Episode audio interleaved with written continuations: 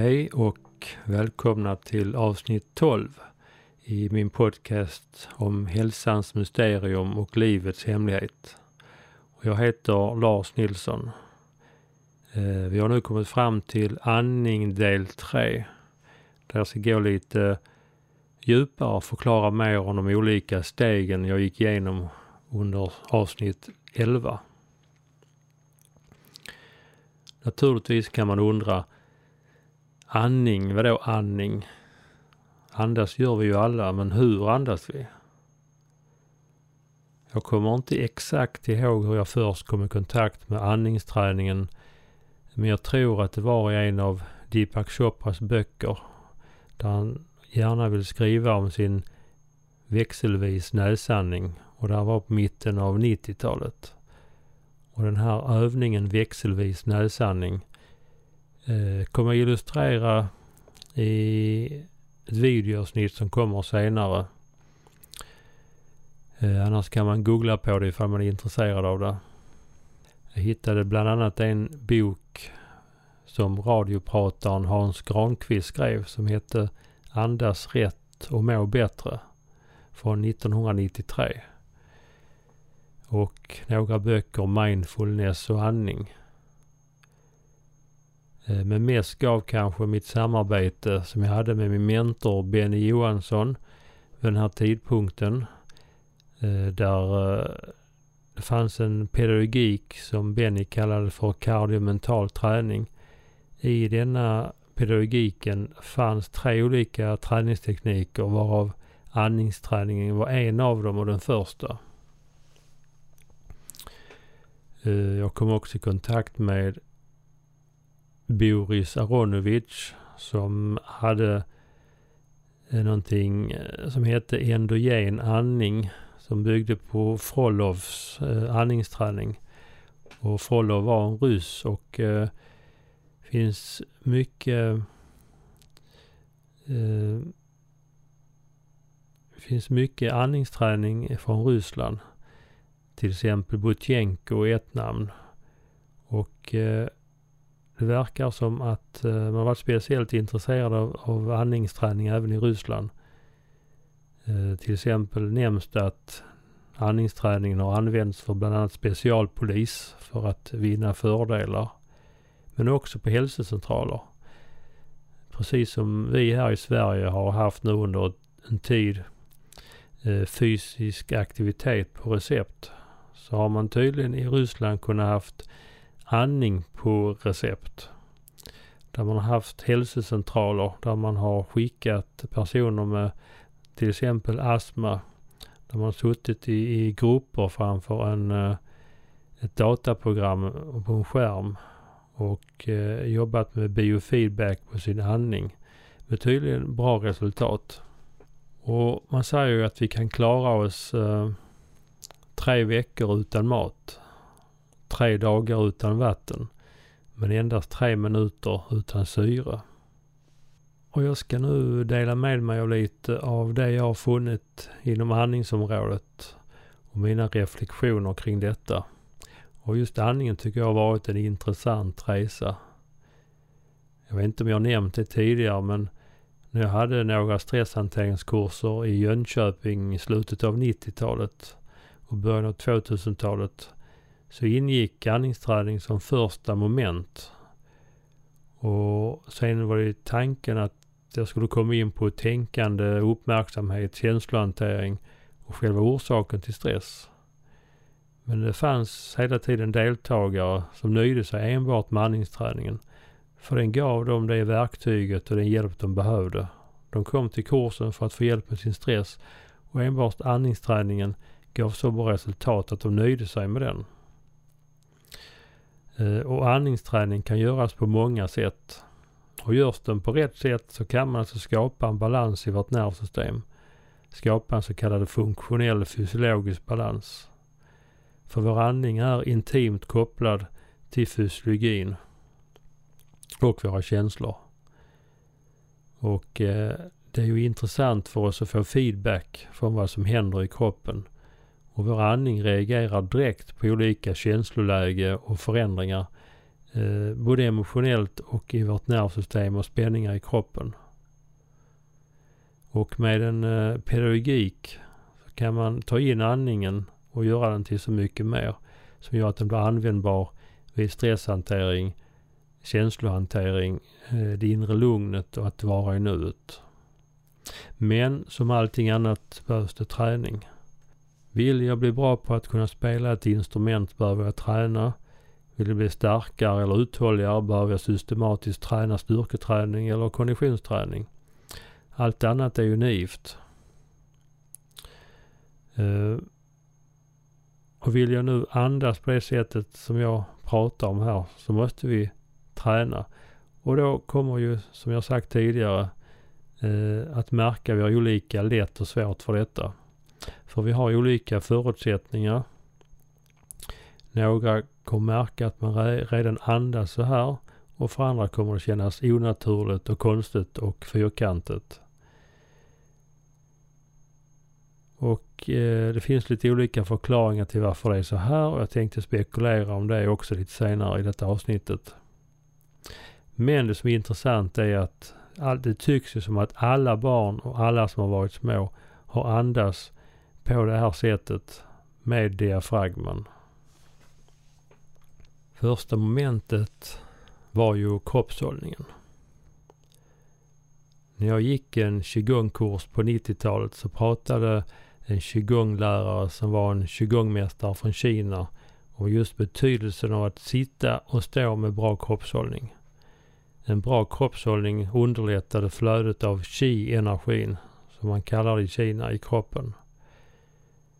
Felaktig kroppshållning vid sittande och stående leder på sikt till onödiga belastningar, spänningar och även framtidens smärta. Det handlar om att ha kroppen i en position som inte skapar onödiga belastningar och spänningar.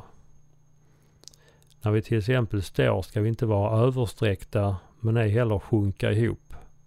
Och vi ska hålla huvudet rakt upp. Vi, ska, vi har en naturlig S-form på vår ryggrad och vi ska behålla denna. Och här kan man tänka på personer som balanserar ett vattenkrus på huvudet och går flera kilometer med detta. Då måste man ju gå korrekt för att kunna orka med detta och för att eh, inte tappa krukan. Så vi ska ha naturlig hållning med naturlig svank. Eh, axlarna ska släppas ner.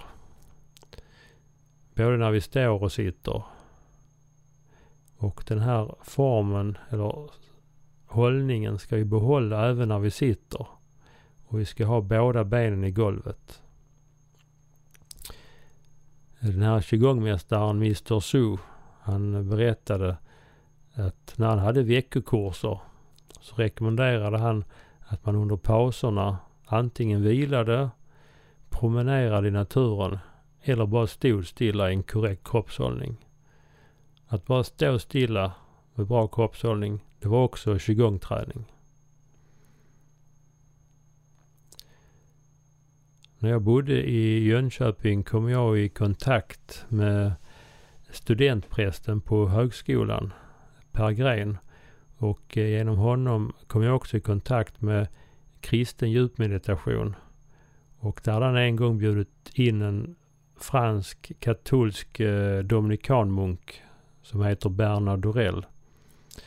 Tyckte han var intressant på många sätt och fördjupade mig då i, i zen och zen-meditationen.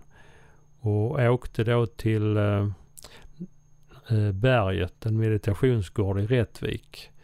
Där det fanns veckosessions där man tränar mycket meditation i tystnad. Och i just kristen djupmeditation och sen där är kroppshållningen central för att underlätta andningen och själva uppmärksamhetsträningen. Och inom sen så bygger träningen på tre pelare som det kallas. 1. är rätt kroppshållning. Rätt kroppshållning underlättar och möjliggör rätt andning. Och rätt andning skapar bättre förutsättningar för rätt uppmärksamhet. Som man kallar det zen look. Så för att underlätta för andningen ska vi tänka på vår kroppshållning. Framförallt under andningsträning men också i vardagen. Och andningsträningen kan göras både liggande, sittande, stående och gående. Dock brukar man göra själva grundträningen i första hand sittande. Och som jag sagt tidigare så handlar det om att sitta med båda fötterna i marken, inga korslagda ben. Den här rakheten i ryggen och helst på en stol utan nackstöd eller man, där man inte använder det i alla fall. Så man bär upp överkroppen endast med stöd av stolens nedre del i så fall. Och när jag varit på sådana här veckokurser där man mediterar flera timmar om dagen. Då blir det väldigt tydligt att man måste sitta helt korrekt för att ryggen ska klara av det. Eh, sitter man ihopsjunken eller i fel lutning så kommer det kännas slutet av dagen väldigt mycket. Så där tvingas man in att sitta i en korrekt eh, sittställning. Så när man sitter i den här kroppshållningen då har man inte total avslappning som man kan få när man ligger ner eller lutar sig tillbaka i en, en hög fåtölj. Utan vi behöver en liten anspänning i de muskler som gör att vi kan behålla kroppshållningen korrekt. När jag gick en 20 poängskurs i personlig utveckling som heter PUMT då på 90-talet på Skandinaviska ledarhögskolan där Lars-Erik Unestål är rektor. Då ingick mycket avslappningsträning, så kallad progressiv avslappning. Där man växelvis spände och slappnade av musklerna i kroppen. Då nådde man till ett mycket avslappnat tillstånd. Och att slappna av i kroppen, eh, det är skönt. Men syftet med avslappning var ju att just lära sig slappna av kroppen och bli kroppsmedveten. Och då lägger man grunden till fortsättningen som då är mental avslappning och senare självhypnos och målbildsträning. Och det är ju många i vårt land som har prövat och tränat på avslappningsträning till exempel i skolan.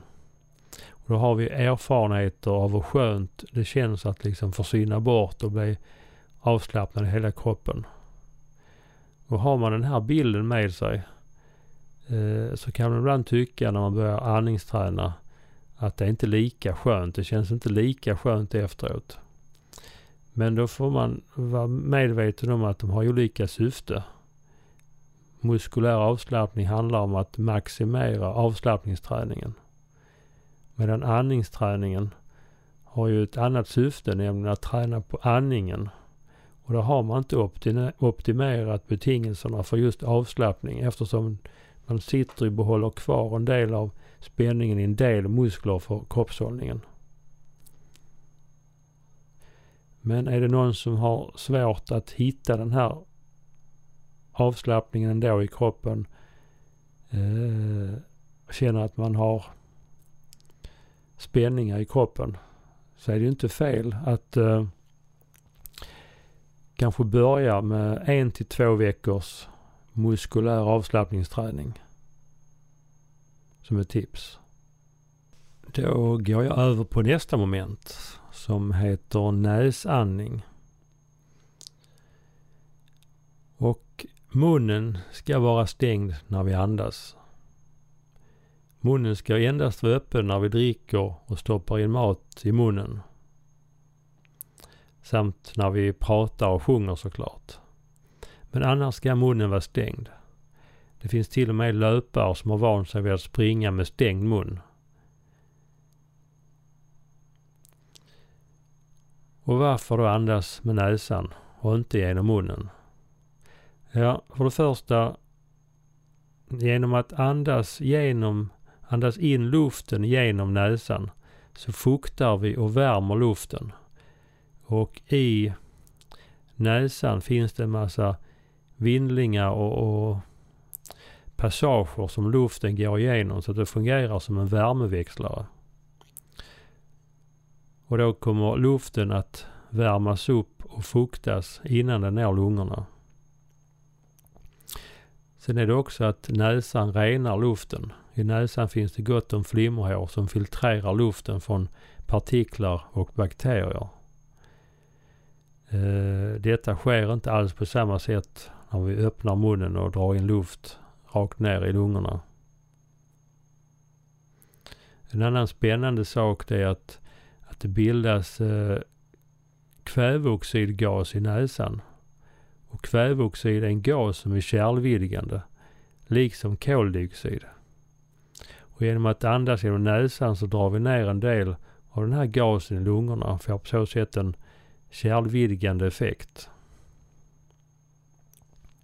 Och den fjärde punkten är att genom att andas genom näsan så har vi ett större motstånd än om vi skulle andas genom munnen. Vilket bidrar till att vi andas lite långsammare. Ni kan själv prova att andas några andetag med öppen mun respektive stängd mun. Och känna att det är mycket lättare att ha en långsam utandning med munnen stängd. Och det här med motstånd vid andningen, det vidgar också bronkerna, vilket också är en fördel när vi drar in luften. Så att andas genom näsan är det naturliga. Att andas med munnen, det är en dålig vana. Och det finns många som andas genom munnen. Ett dramatiskt sätt att vänja sig av med detta, det är att helt enkelt tejpa munnen. Det kan även vara intressant för de som sover med öppen mun eller snarkar mycket på natten. Jag tog ett vanligt vitt brett kirurgtejp. Men när man tar av det på morgonen är det lätt att bli sår om läpparna. Så mitt tips är att ta lite vaselin på läpparna först. Innan ni tejpar över. Ja, då har vi kommit fram till nästa steg som handlar om att andas med vår egentliga andningsmuskel som är diafragman. Och det kallas lite slarvigt för att man bukandas. När vi andas så utvidgas ju lungorna vid inandningen och sjunker ihop på utandningen. Och våra lungor kan utvidgas eh, i olika riktningar genom att eh, andas med olika muskler.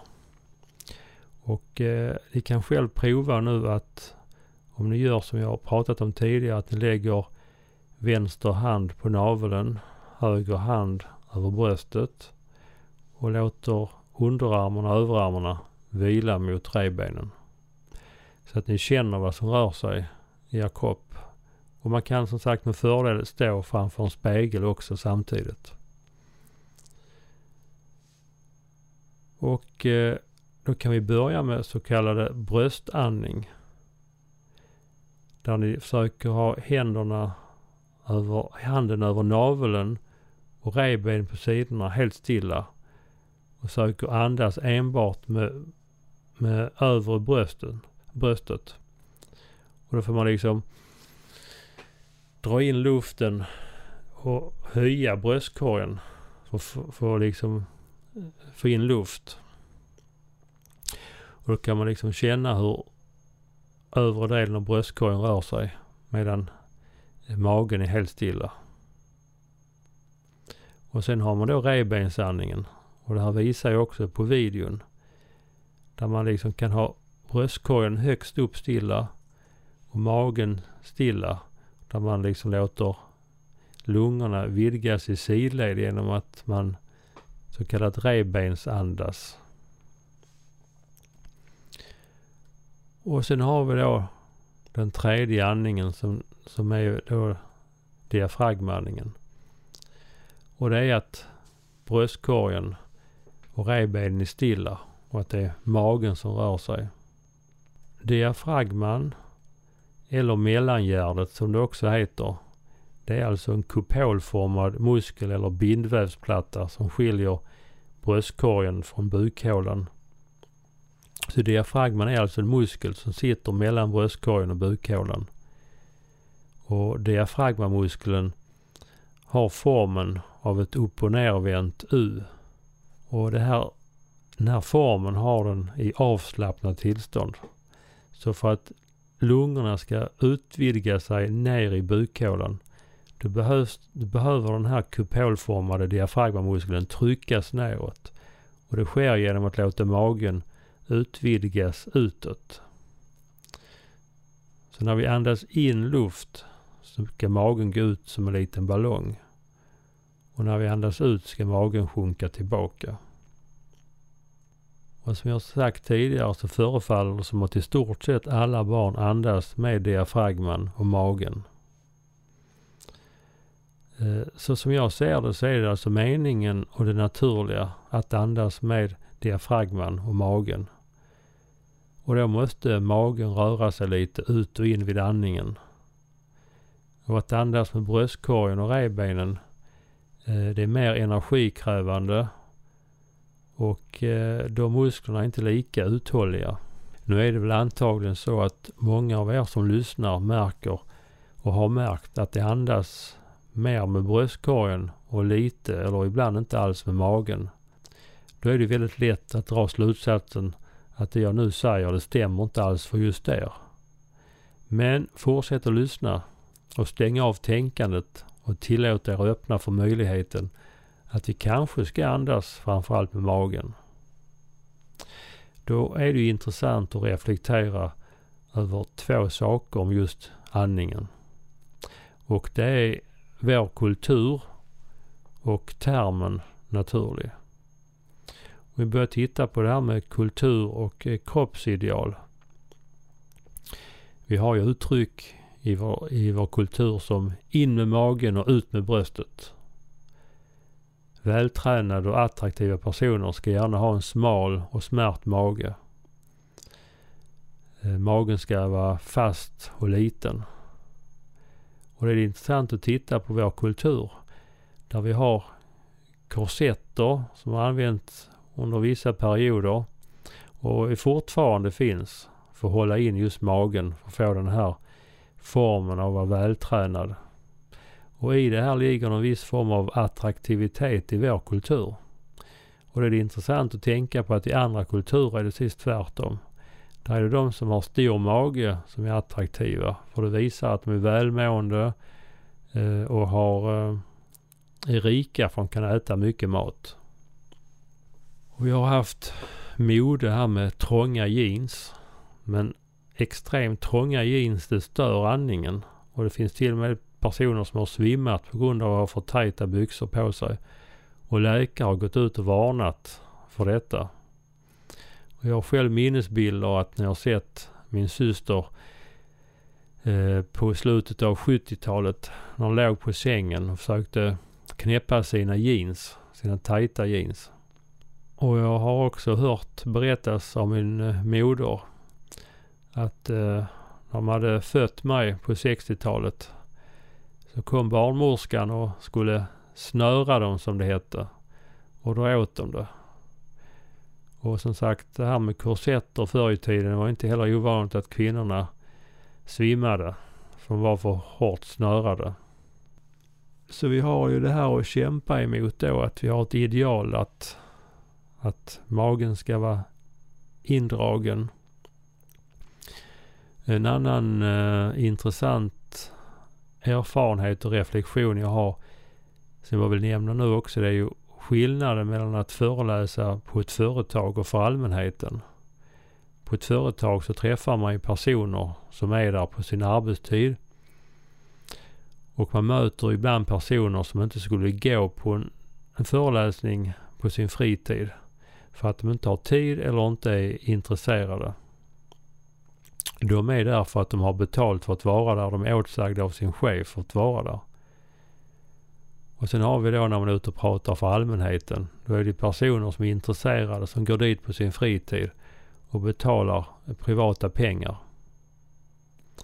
Och jag har ett eh, roligt minne från en företagsutbildning i stresshantering där andningsträningen var ett av inslagen. Och det var där en eh, ung kvinna i inte mycket över 20 år. Hon satt med armarna i kors och bara stirrade på mig. Och riktigt tittade ogillande på mig för det jag pratade om och, och de här övningarna vi gjorde.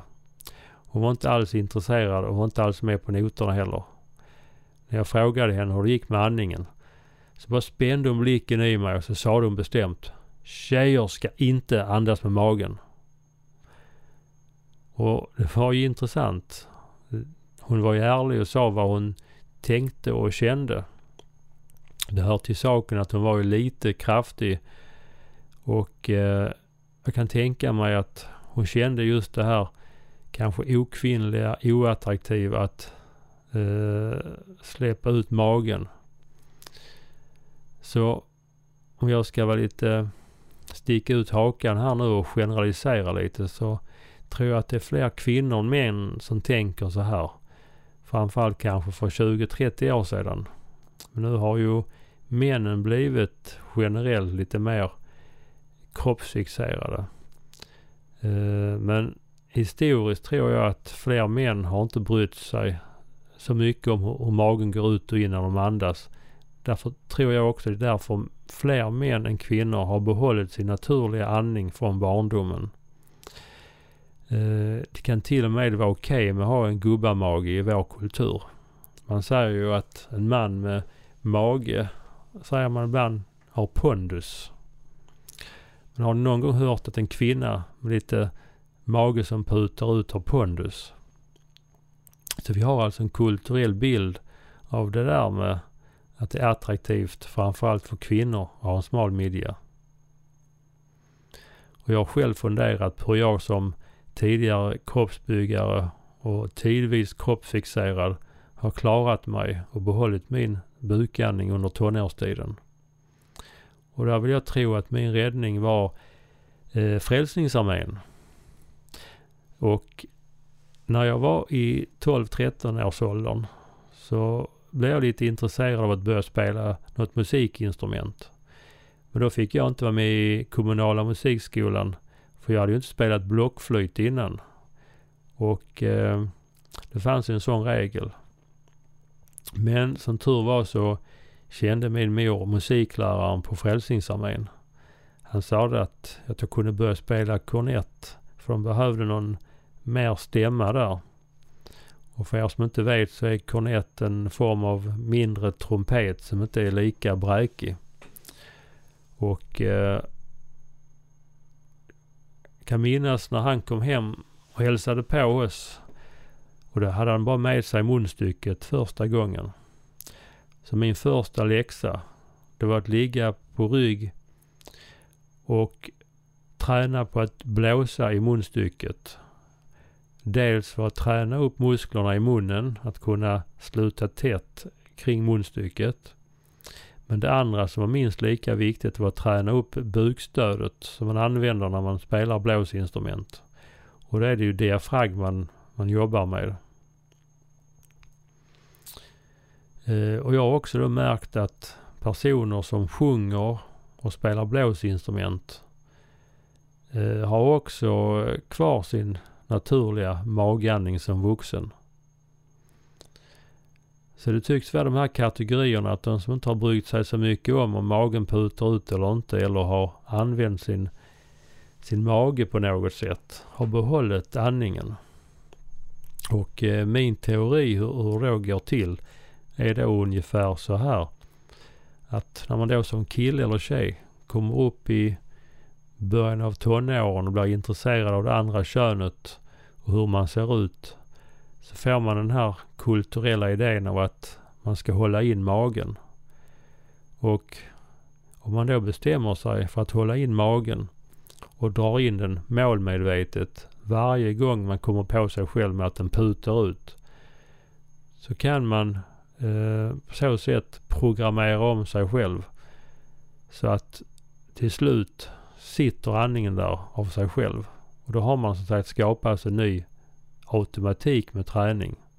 Och när man sedan hör talas om att man ska låta magen åka ut som en liten ballong när man andas så låter det ju fel. För dels vill man inte släppa ut magen Och dessutom så känns det inte bekvämt eller naturligt heller. Eh, när man efter kanske 10, 20, 30, 40 års avprogrammering har avvant sig vid den här andningen. Eh, det är detta som då lett fram till den lite provocerande frågeställningen som jag hade på Facebook för några månader sedan. Nämligen hälsa eller utseendet. Väljer vi det som är bäst för hälsan eller utseendet? Väljer vi att bukandas och låta magen vara avslappnad och röra sig utåt vid inre lugn? Eller väljer vi att hålla in magen för att få en mer kulturellt attraktivt utseende? Detta leder också in på ett annat ämne som är intressant att reflektera över och som jag också väckte på Facebook, nämligen vad är naturligt? Kan vi lita på vad vi känner? Ja, inte i det här sammanhanget. För naturligt handlar i detta sammanhanget om det vi är vana vid. Vi är vana vid att andas på ett speciellt sätt. Rätt eller fel, men det är det som känns naturligt. Att börja träna med magen kan kännas för många vuxna onaturligt i, i början. Trots att det är det som vi alla har gjort som barn. Och här kan man göra en intressant parallell och jämföra med rökningen. Våra lungor och vår kropp vill inte dra in röken. Vi hostar av rök och jag har sett hur hundar beter sig när man när en rökare blåser cigarettrök på dem. De nyser, fräser och skäller. Och som tonåring har jag också provat på att smygröka lite. Men jag klarade aldrig av att dra några halsblås. För det är kroppens naturliga eh, funktion eh, och reaktion att hosta. Så nybörjare inom rökning, det måste på samma sätt målmedvetet bestämma sig för att man ska och vill röka. Och fortsätta trots att det inte smakar gott, så trots att kroppen ger tydliga signaler om att den inte vill ha in den här röken i lungorna med till exempel hosta. Men vår kropp är anpassningsbar. Så efter ett tags målmedvetet rökande så anpassar sig kroppen och gör mindre och mindre motstånd. Och till sist så har ju en ny vana etablerats. Och efter några års rökande så känns det väldigt naturligt att röka och dra halsblås.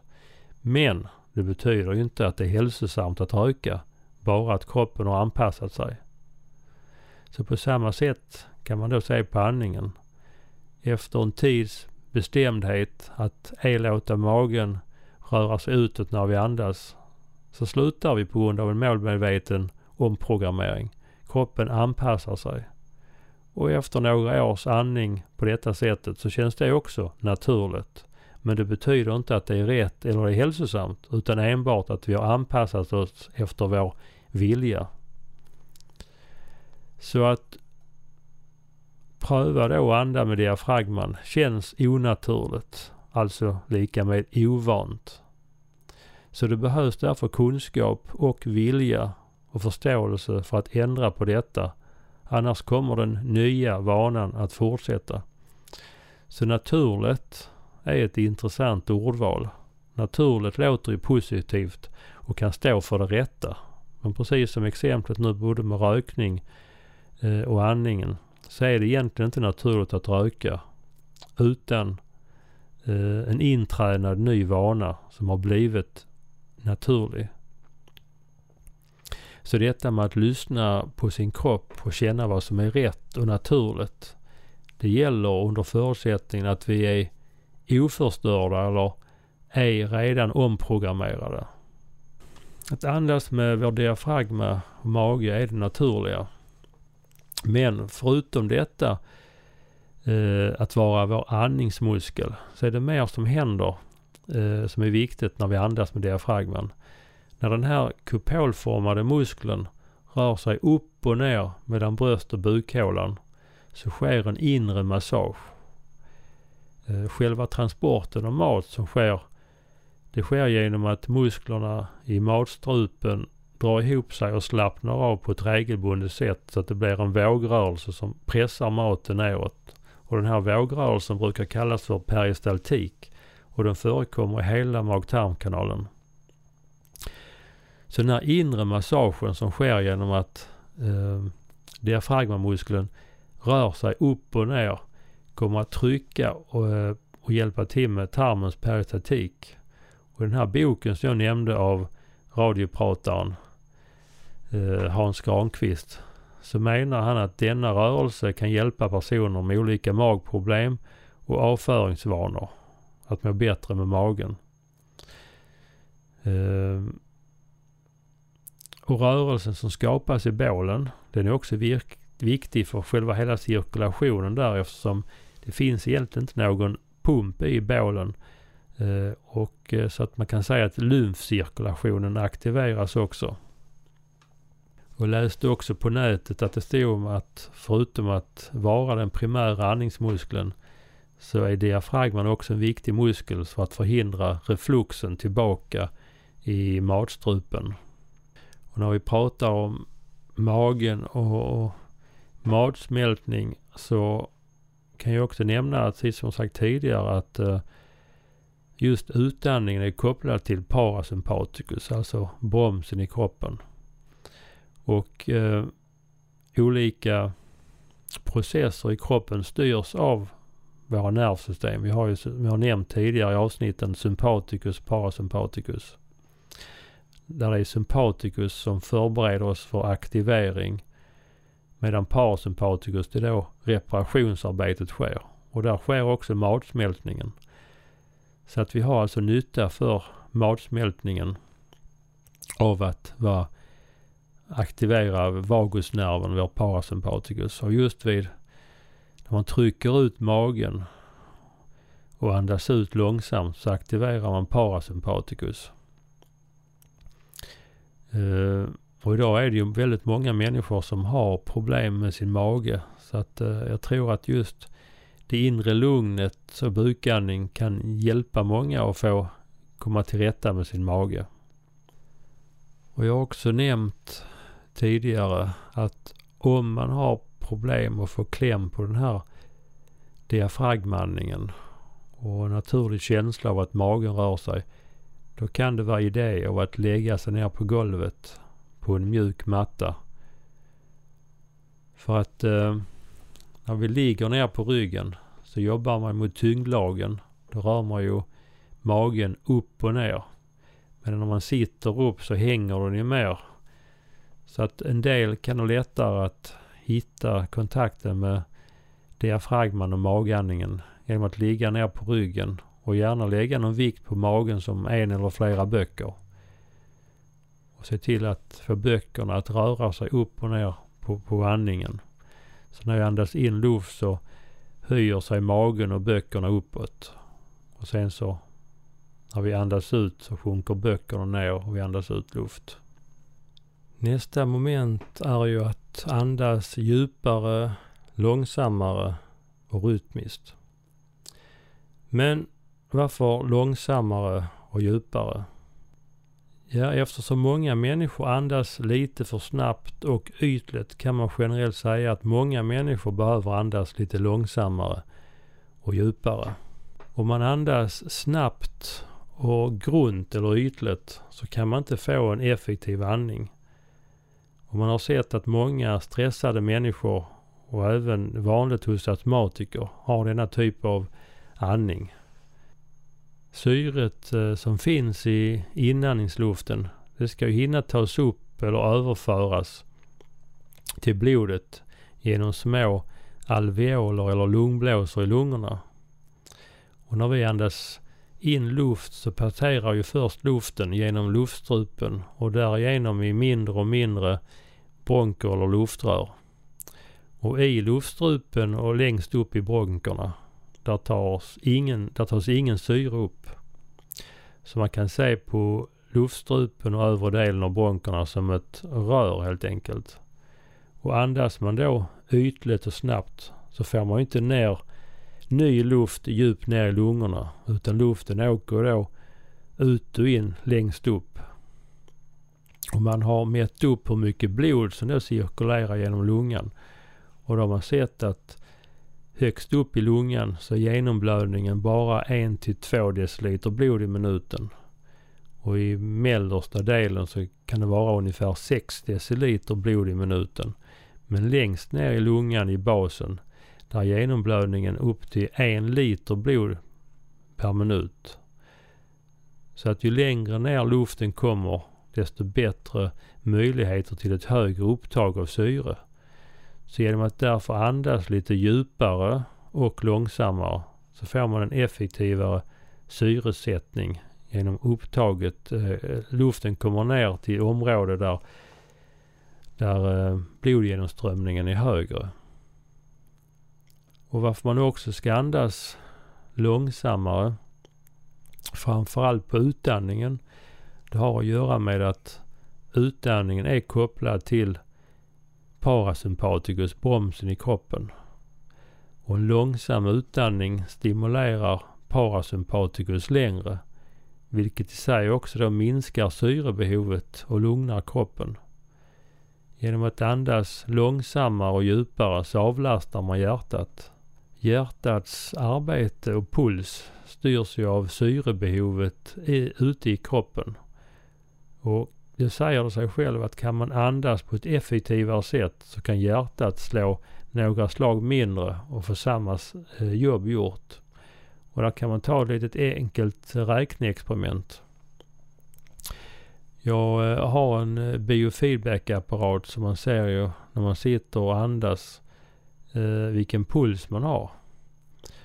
Och där ser man att en person som har en puls på till exempel 78 slag i minuten.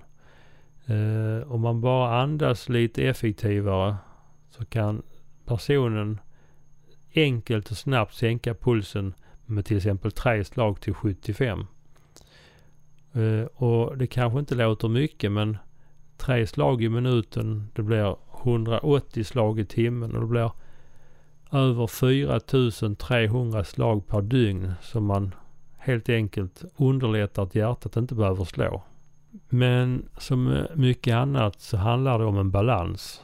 Varken för mycket eller för lite.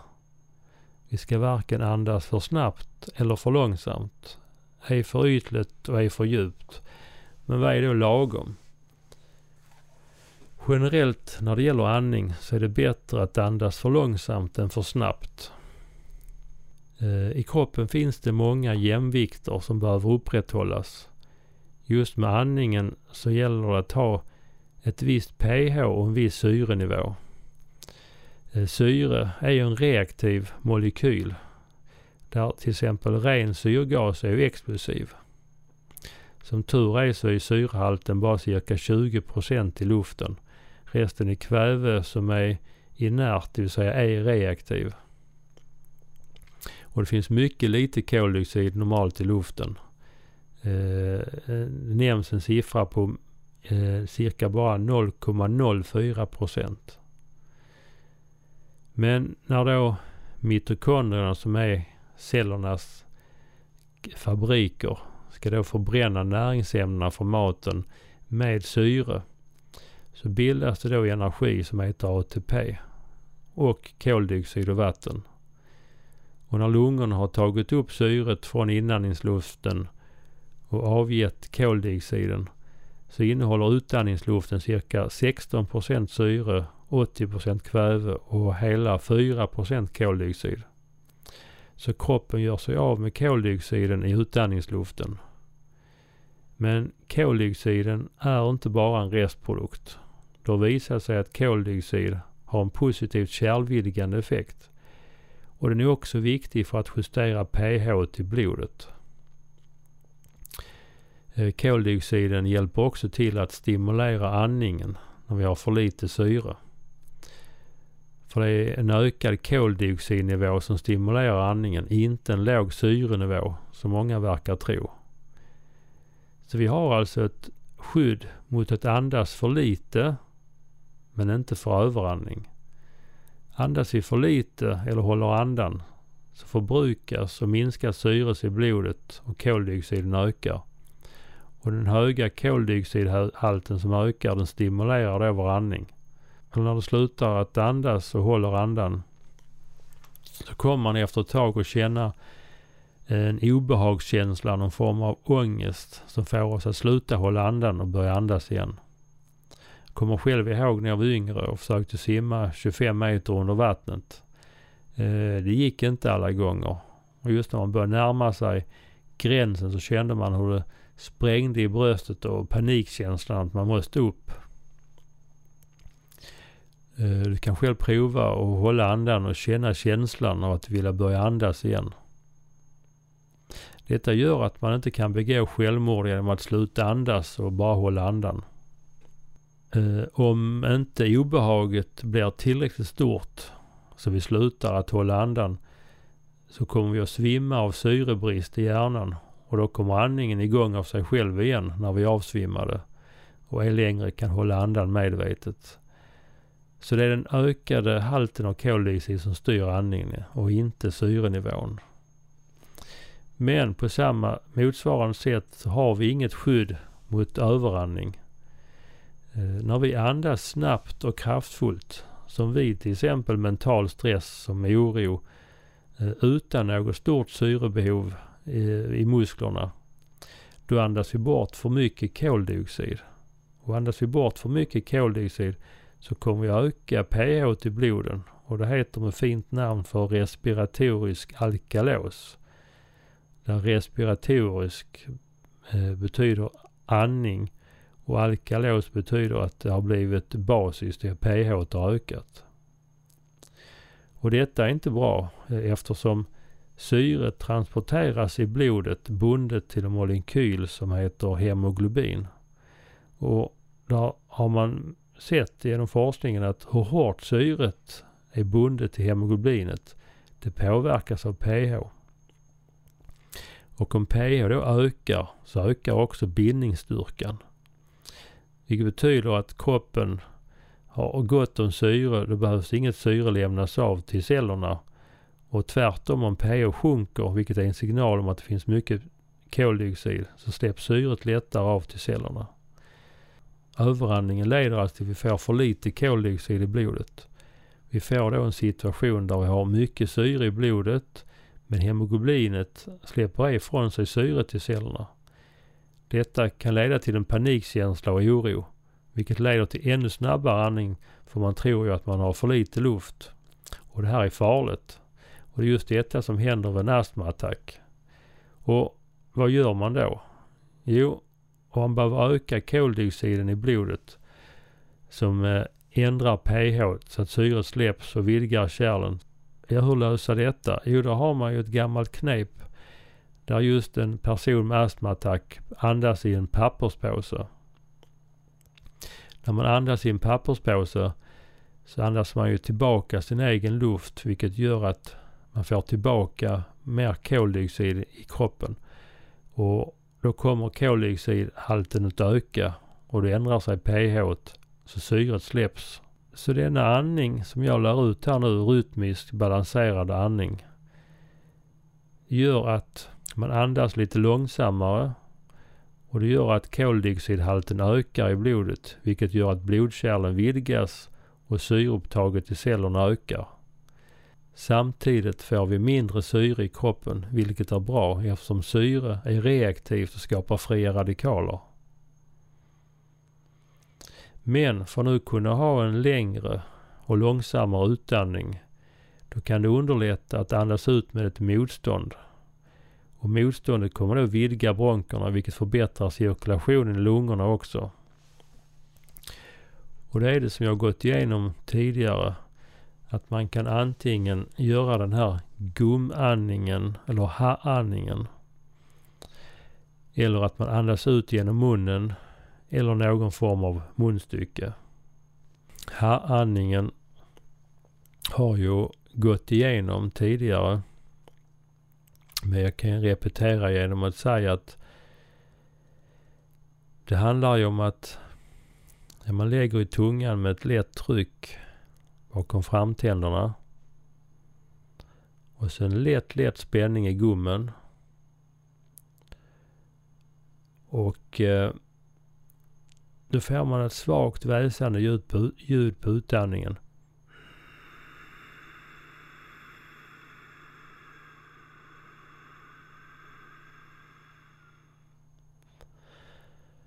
Och sen släpper man ju det här lätta, lätta trycket i gommen.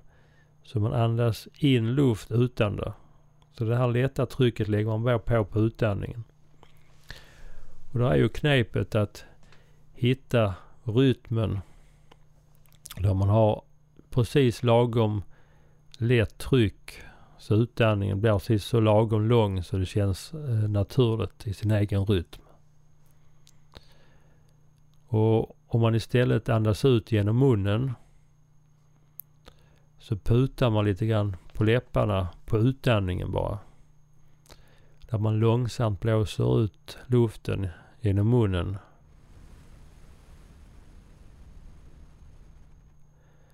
Och då kan man tänka sig att om man har ett ljus ett par decimeter framför så kan det röra sig försiktigt, man ska inte släcka det.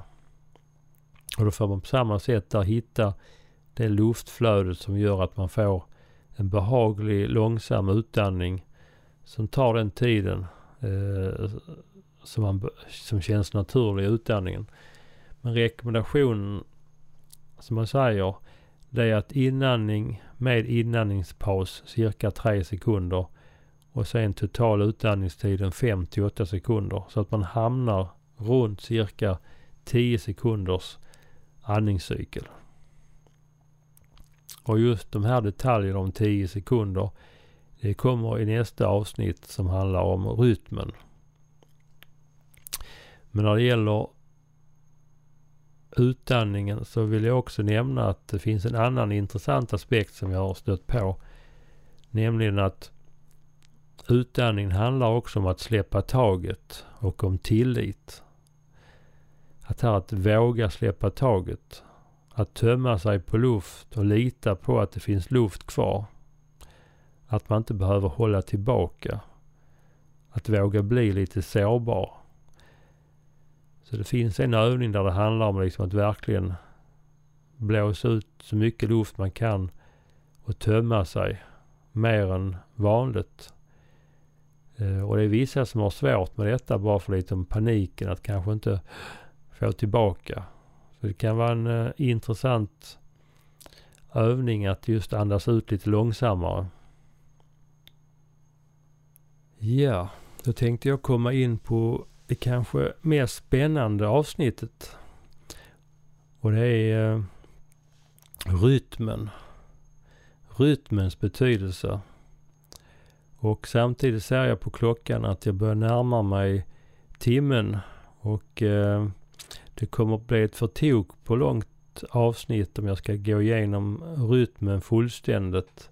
Så jag får göra så här att jag nämner lite grann om rytmen nu och sen får jag ta en fördjupning om detta i nästa avsnitt. Ja, det hände mycket eh, på 90-talet för mig. Och eh, det var även då jag kom i kontakt med Heart Math för första gången. Och det var på nätverksträff med Skandinaviska ledarhögskolan i Örebro. Där en person precis hade eh, fått reda på att eh, HeartMath, de hade de började sälja ett biofeedback instrument eh, som kallades, eller hette Freeze Framer. Eh, det var en programvara där man satte Eh, Eh, man kopplade helt enkelt en, eh, en givare antingen till öronsnibben eller så satt man och höll pekfingret på den. Och så gick den signalen till datorn och där fångade man upp varje pulsslag i fingret eller öronsnibben. Och utifrån den här signalen så räknade datorn om det så man fick se hur pulsen varierade från slag till slag. Och eh, det här kunde man då se online på skärmen så det blev en form av biofeedback. Och då kunde jag sitta och experimentera med andningen. Och då kunde jag sitta med olika rytmer och andas. Allt ifrån snabb andning med två sekunder in, två sekunder ut till en eh, extremt långsam andning med två andetag i minuten. Och då kunde man samtidigt följa och se hur vad som hände med pulsen och hjärtats eh, förändring.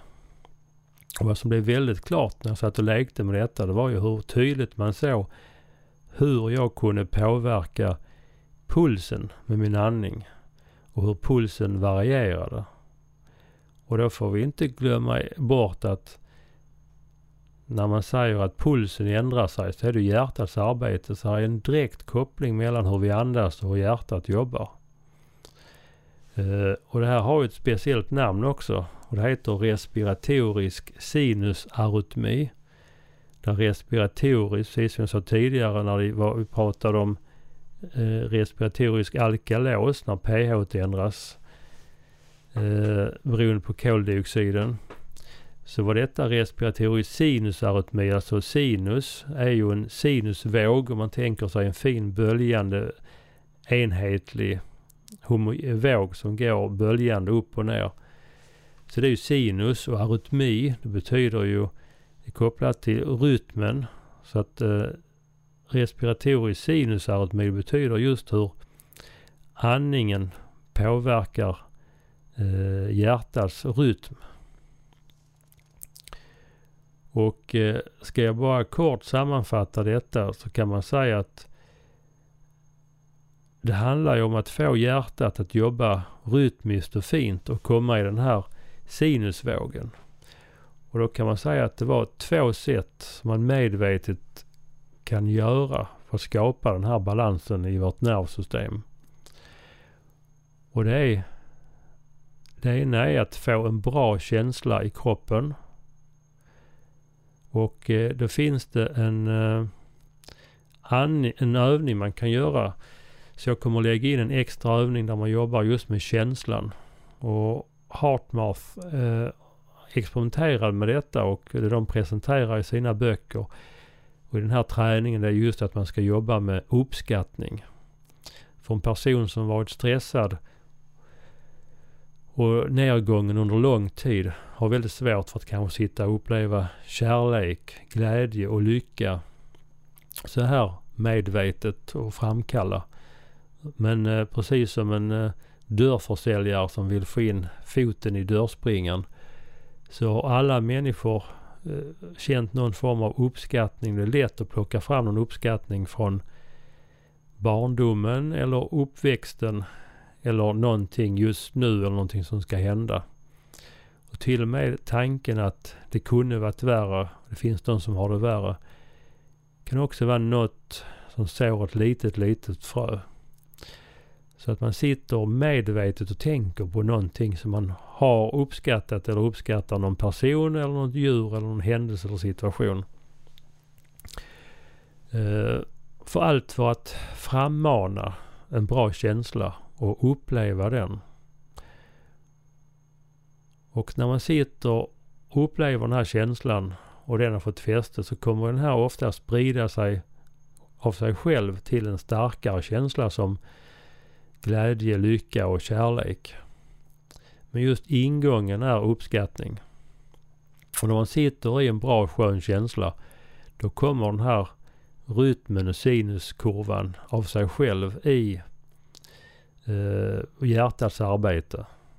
Men ett sätt att gå in och manipulera systemet också kan man säga. Det är att man kan få den här rytmen på hjärtat enbart med hjälp av andningen. Och då ska man andas i en 10 sekunders andningscykel, alltså 0,1 hertz. Uh, och då kan man säga just detta att man andas in under 3-4 sekunder och ut under 5-8 sekunder. Så genom att sitta och träna på att ha en bra känsla i kroppen och andas i den här 10 sekunders cykeln så får man fysiologin att följa efter och man skapar alltså en balans i sitt autonoma nervsystem. Och där ser man också väldigt tydligt när man sitter framför skärmen och jobbar med detta. Att när man andas in kraftfullt, drar en djup inandning så går, sticker pulsen upp. Så den är alltså kopplad till sympaticus. Och sen när man andas ut och slappnar av så ser man hur pulsvariationen går ner. Eh, och jag kommer att spela in också en video för att illustrera det här lite tydligare. Den här vågformen. Och just den här övningen, att träna på att skapa en bra känsla kopplat till andningen. Eh, blir en viktig övning också så att ni ska träna på för att den får en stor central roll sen när jag ett senare avsnitt längre fram ska knyta ihop känslohanteringen med andningen och gå in på eh, eh, någonting som man kan kalla för emotionell healing. Där eh, man kan själv gå in och, ja vad ska vi säga för ord, transformera eller balansera upp eh, obearbetade känslor i ryggsäcken. Eh, så det här med rytmik och rytmer är viktigt. Och eh, vi har ju olika rytmer i naturen och människokroppen. Och eh, för att förstå detta närmare efter att ha jobbat med HeartMath eh, så blev jag så intresserad av detta så jag grävde vidare lite grann i resonans eh, och i fysikens våglära. Så att jag får ta det här eh, fördjupat i ett annat avsnitt. Men vad man kan säga är att för man ska få den här Eh, stabiliteten i systemet. Så vad man egentligen gör, får man väl uttrycka på ett annat sätt, det är att man måste synka hjärtats pulsvariation med andningsrytmen. Och detta kan inte ske när man har en oregelbunden, oregelbunden andning. Så därför är det så viktigt att man har en rytmisk och regelbunden andning för att skapa den här sinusvågen som stabiliserar systemet. Och sen var ju det här att man ska vara tyst. Med undantag då för det här väsande ljudet som man har när man har gumandningen. Och anledningen till varför jag trycker så mycket på gumandningen det är att när man sitter och kör lite mer pass senare, kanske fler, framförallt senare när man kommer in och jag ska prata lite om andningsmeditation också, annan träning. Så är det skönare att sitta och ha munnen stängd hela tiden än att hålla på att öppna och stänga munnen eh, efter varje in och utandning. Eh, sen är det många också som har provat på yoga. När man pratar om yogaandning så är det många övningar där man andas in genom näsan och ut genom munnen. Men som sagt, man kan lika bra i den här typen av andning, träning jag pratar om, ha munnen stängd hela tiden. Bara för att skapa det här motståndet till gummen istället. När ni nu tränar på den här rytmiska stabiliserande andningen så är det ju viktigt att man redan nu börjar även träna på den här speciella uppmärksamheten under träningen. Och då är det viktigt att skilja på det man ska göra just under träningen och på övrig tid som inte är under träningen.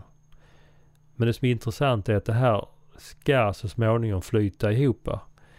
Men just nu i början är det viktigt att förstå vad är det man ska försöka träna på och göra under själva träningen. Och då kan man säga att just under träningen ska man vara uppmärksam. Men ej medvetet tänka. Det gäller att hålla sig vaken. Man ska ej sitta och somna. Och det gäller att behålla kroppshållningen. Och det är också ett sätt att visa att man är uppmärksam. Och det här att vara uppmärksam men ej medvetet tänka. Det kommer mer om detta när jag går in på meditation och mindfulness. Men det är bra att börja med detta redan nu så har man igen mycket sen under eh, den andra träningen. Att vara uppmärksam är inte att tänka.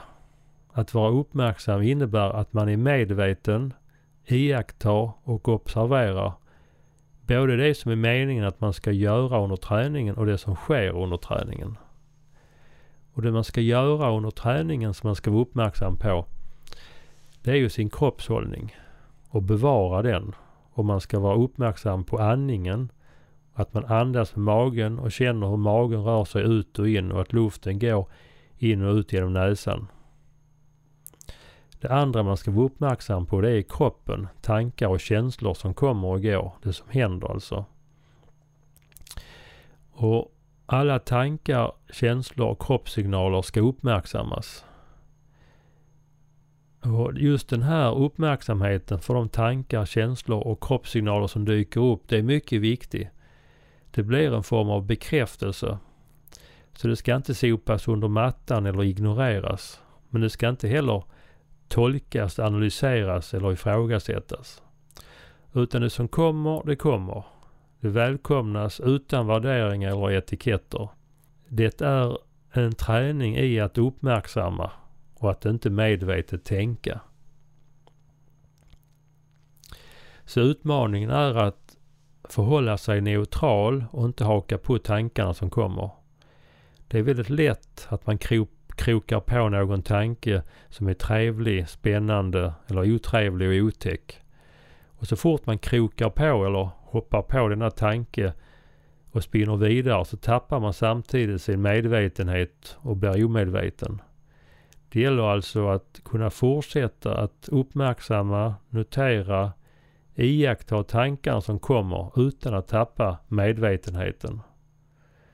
Och försvinner man in i tankarna så gör man ju det tills man kommer på sig själv med att man sitter och tänker. Istället för bara vara uppmärksam på tankarna. Och då går man bara tillbaka till övningen som om inget hade hänt.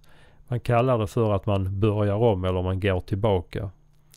Och det är då viktigt att man inte har åsikter eller värderingar om att man kom på sig själv med att sitta och eller att man missar övningen eller varför klarar man inte av detta.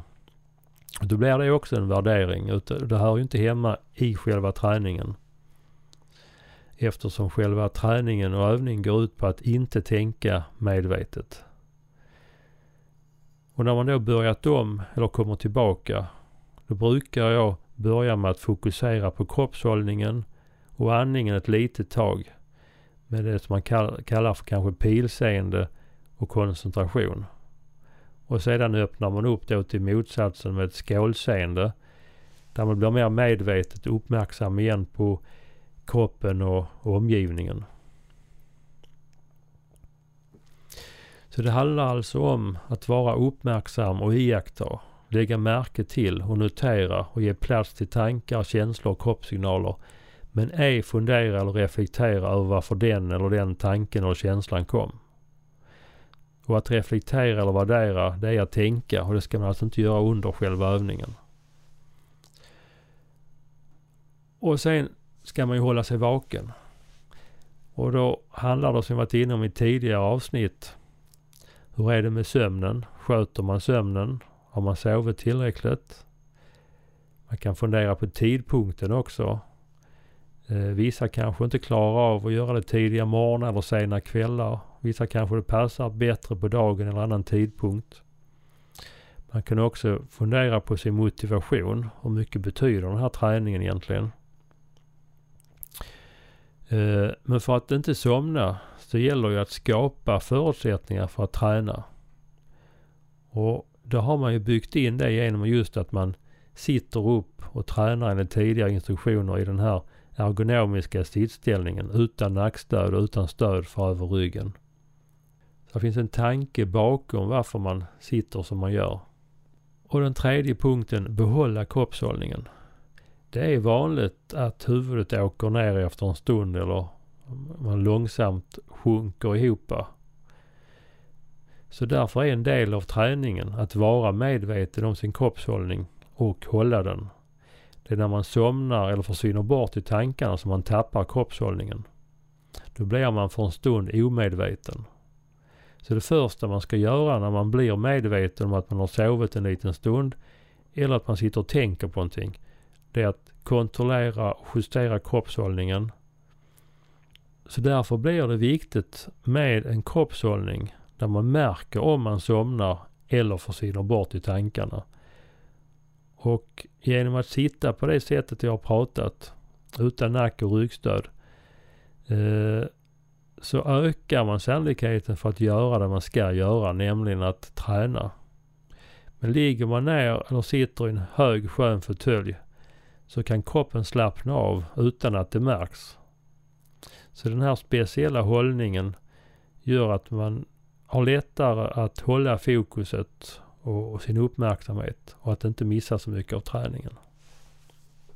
Ja, med de här instruktionerna och det här långa passet så hoppas jag att ni har fått lite mer kött på benen och att ni finner er motiverade för att ge den här andningsträningen en chans. Så att mitt förslag är nu att träna den långa versionen några gånger.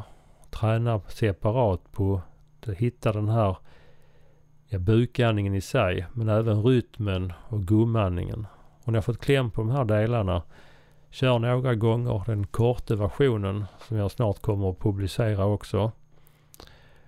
Och eh, när ni fått kläm på det också, försök då träna så mycket ni kan andningsmedvetenhet i vardagen. Och just att andas lite långsammare och rytmiskt kan man göra i princip överallt hela tiden. Ni kan göra det när ni vaknar innan ni går ur sängen. Ni kan göra det medan ni sitter och äter frukost. Medan ni åker till jobbet i bilen. Med öppna ögon förstås. Men man kan ju samtidigt träna på att ha munnen stängd. Andas genom näsan rytmiskt med magen. Med den här 10 sekunders cykeln. Eh, man kan samtidigt träna uppskattning. Att hitta uppskattningen i sin omgivning överallt i vardagen. Um, ja, så det handlar inte bara om raster när man står och lagar mat och gör enklare saker utan så fort ni inte är inne i ett koncentrerat eh, tankemoment så kan man egentligen ha med sig lite av den här andningsträningen. Så lycka till med den här nu. Och eh, har ni några frågor, funderingar får ni gärna kommunicera med mig på Facebook. Jag har ju lagt upp en eh, Facebook-sida som heter Hälsans Mysterium och Livets Hemlighet. Där ni kan gärna ansöka om medlemskap så släpper jag in er. Där vi kan ha en dialog.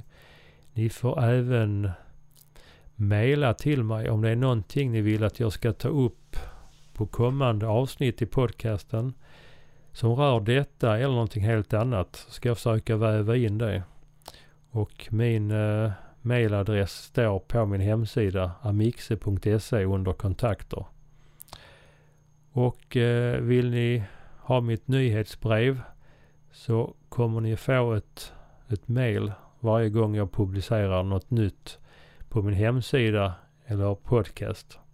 Eh, avslutningsvis kan jag också nämna som jag sagt i alla andra avsnitt, men inte på denna, så att jag gör det nu, nämligen att den här träningen sker ju ska ske med sunt förnuft. Och det handlar inte om att prestera eller att pressa sig själv på något sätt utan det är inte tanken att man ska bli yr eller må dåligt eller bli andfådd. Då andas man på fel sätt och då ska man ta en paus. Så tänk på att ert eget ansvar är er egen hälsa. Och gör ni det försiktigt så kommer ni se att det här går bara bra och det kommer kännas skönt.